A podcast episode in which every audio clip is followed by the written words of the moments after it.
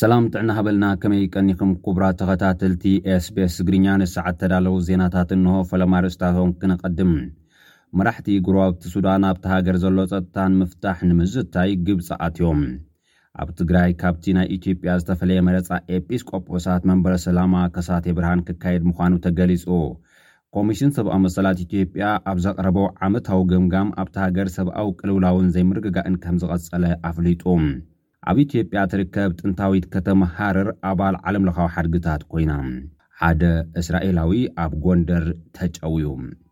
ፕረዚደንት ኢራን ኢብራሂም ራይሲ ኣብ ሃገራት ኣፍሪካ ንዘካይዶ ዑደት ብኬንያ ከም ዝጀመሮ ተሰሚዑ ዝብሉ ናብ ዝርዝራቶም ክንቅፅል። መራሕቲ ጎረባብቲ ሱዳን ኣብታ ሃገር ዘሎ ፀገም ፀጥታ ብዘተ ንምፍታሕ ግብፂ ኣትዮም። ውዳበ ልምዓት መንግስታት ምብራቕ ኣፍሪካ፣ ኢጋድ፣ ኣብ ኣዲስ ኣበባ ከካይዶ ዝፈተነ ዕርቂ ሱዳን ድሕሪ ምፍሻሉ፣ መራሕቲ ጎረባብቲ ሃገራት ሱዳን ዝኾኑ ናብ ካይሮ እትምርሖ ዘተ ሰላም ተዋጋእቲ ሓልፍታት ሱዳን ኣምሪሖም ኣለው። ኣብቲ ብመሪሕነት ፕረዚደንት ግብፂ ዓብዱልፋታሕ ኣልሲሲ ሎሚ ሓሙስ ዝጅምር ዘተ ንምስታፍ ካብ መራሒ ግብፂ ብዝተገብረሎም ዕድመ መራሕቲ ጎረባብቲ ሱዳን ናብ ግብጺ ከም ዝኣተው እየን ማዕከናት ዜና ግብጺ ጸብጺበን ዘለዋ። ዛጊድ ፕረዚደንት ቻድ እድሪስ ደቢ፣ ፕረዚደንት ኤርትራ ኢሳያስ ኣፈወርቂ፣ ቀዳማይ ሚኒስተር ኢትዮጵያ ኣብይ ኣሕመድ፣ ፕረዚደንት ደቡብ ሱዳን ሳልቫኪር ማያርዳት፣ ብዕድመ ፕረዚደንት ግብጺ ዓብዱልፋታሕ ኣልሲሲ ኣብ ዋዕላ ጎረባብቲ ሃገራት ሱዳን ንምስታፍ ናብ ካይሮ ኣትዮም ዘለዉ መራሕቲ እዮም ተባሂሉ።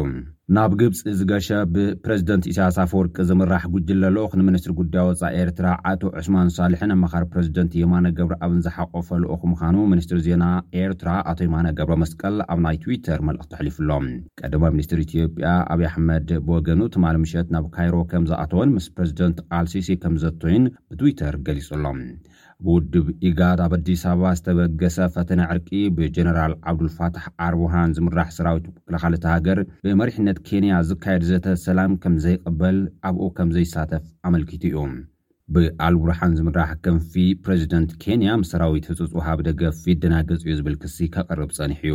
ፈተነ ኢጋድ ድሕሪ ምፍሻሉ፣ ግብጺ ንክልተ ወገናት ሱዳን ዘተዓርቕ ንዘላቒ ሰላም ዘምርሕ ዝበለቶ ርክብ ካብ ሎሚ ሓሙስ ጀሚራ ከተተኣናግድ ምዃና'ያ ብሰንበት ወግዓዊ ገይራ።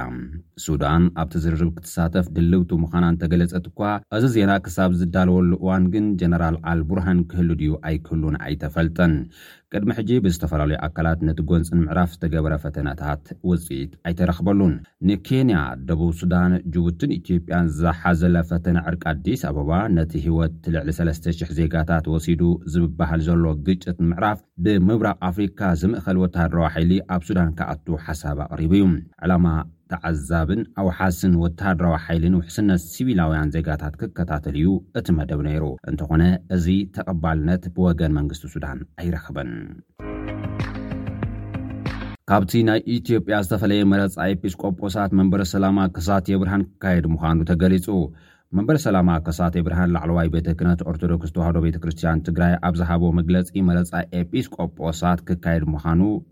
ገሊጹ ኣሎ።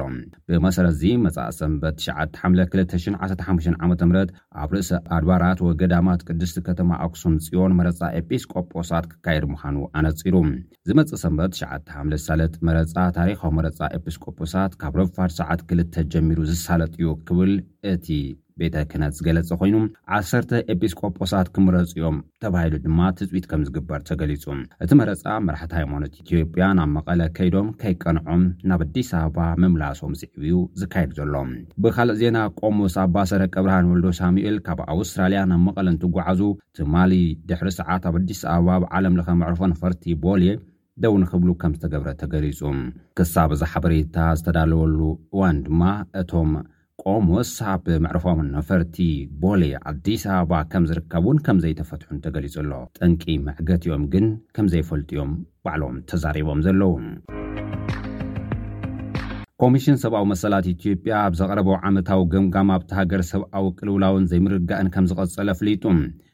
ካብ ሰነ ክልተ ሽሕ ዓሰርተ ኣርባዕተ ክሳብ ሰነ ክልተ ሽሕ ዓሰርተ ሓሙሽተ ብኣቆጻጽራ ኢትዮጵያ ነዚ ሽፉን ናይ ሓደ ዓመት ገምጋም ሰብኣዊ ኣተሓሕዛ ዝሓዘ ጸብጻብ ኮሚሽን ሰብኣዊ መሰላት ትማል ረቡዕ ዓሰርተ ክልተ ሓምለ ክልተ ሽሕን ዕስራን ሰለስተን ዓመተ ምህረት ወግዓዊ ገይሩ ኣሎ። ኣብቲ ሚእትን ሽዱሽተን ገጻት ዝሓዘ ንወከልቲ ቤት ምኽሪ ኢትዮጵያ ዝተውሃበ ጸብጻብ ዘይምርግጋእ፣ ጎንጽን ውግእን ዝወለድዎም ሰብኣዊ ጥሕሰታት ብዝኸፍኣ ከም ዝቐጸሉ ተገሊጹ ኣሎ። እቲ ኮምሽን ኣብ ጸብጻቡ፣ ኣብ ገለ ወገናት ኢትዮጵያ ኣብ መንጎ ዕጡቓት ሓይልታት ዝተራእየ ኣፈታትሓ ግርጭት ዝምስገን ምዃኑ ብምግላጽ፣ ዘላቒ ሰላም ንምርዳእ ንምምጻእ ግን ኩሉ ዝሓቆፍን ክፉትን ዘተ ተበግሶ ክህሉ ከምዝግባእ እዩ ተላብዩ ዘሎ። መጭወይቲ፣ ማእሰርቲ፣ ዘስካሕክሕ ቅትለታት ብሕልፊ ኣብ ኦሮሚያ ኣዝዩ ኣሰካፊ ኮይኑ ይቕጽል ምህላዉ እቲ ምኮምሽን ጸብጺቡ እዩ። ኣብ ትግራይ ዘሎ ስግግር ፍትሒ እውን ዘዕግብ ከምዘይኮነ እዩ ሓቢሩ ዘሎ። ኣብ ኢትዮጵያ ትርከብ ጥንታዊት ከተማ ሃረር ኣባል ዓለም ለኻዊ ሓድግታት ኮይና።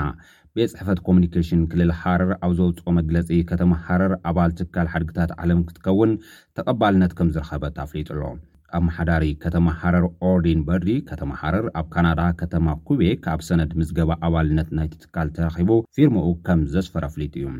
ዩኔስኮ ኣብ ሃረር ዝተሃንጸ ጥንታዊ መንደቕ ጀጎል ኣቐዲሙ ቅርሲ ዓለም ገይሩ ዝመዝገቦ ኮይኑ፣ ሕዚ ድማ እታ ከተማ ኣባል ዓለምለኻዊ ሓድግታት ኮይና ኣላ።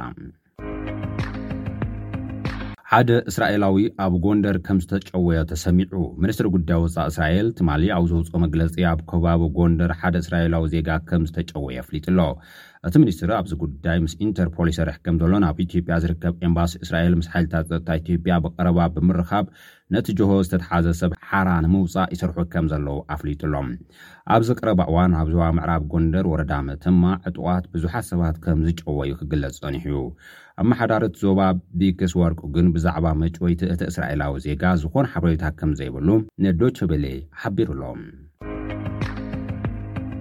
ኣብ መወዳእታ ፕረዚደንት ኢራን ኢብራሂም ራይሲ ኣብ ሃገራት ኣፍሪካ ንዘሳልጦ ዑደት ኣብ ኬንያ ዑደቱ ከም ጀመረ ተገሊፁ ኣብ እዋን ዑደት ፕረዚደንት ራይሲ ኬንያን ኢራንን ኣብ ድግንን ጥዕናን ዘተኮረ ሓሙሽተ ናይ ምርዳእ ስምምዓት ከም ዝተፈራረማ ሚኒስትሪ ጉዳይ ወፃኢ ኬንያ ኣፍሊጡ ኣሎ ኢራን ኣብ ኬንያ ፋብሪካ መገጣጠም መካይን ክትሃነፅ ከም ዝተሰማምዐት እውን ተገሊፁ ፕሬዚደንት ራይሲ ኣብ ኡጋንዳ ዚምባብዌን ዑደት ክገብር ምዃኑ እውን ተሓቢሩ እዩ።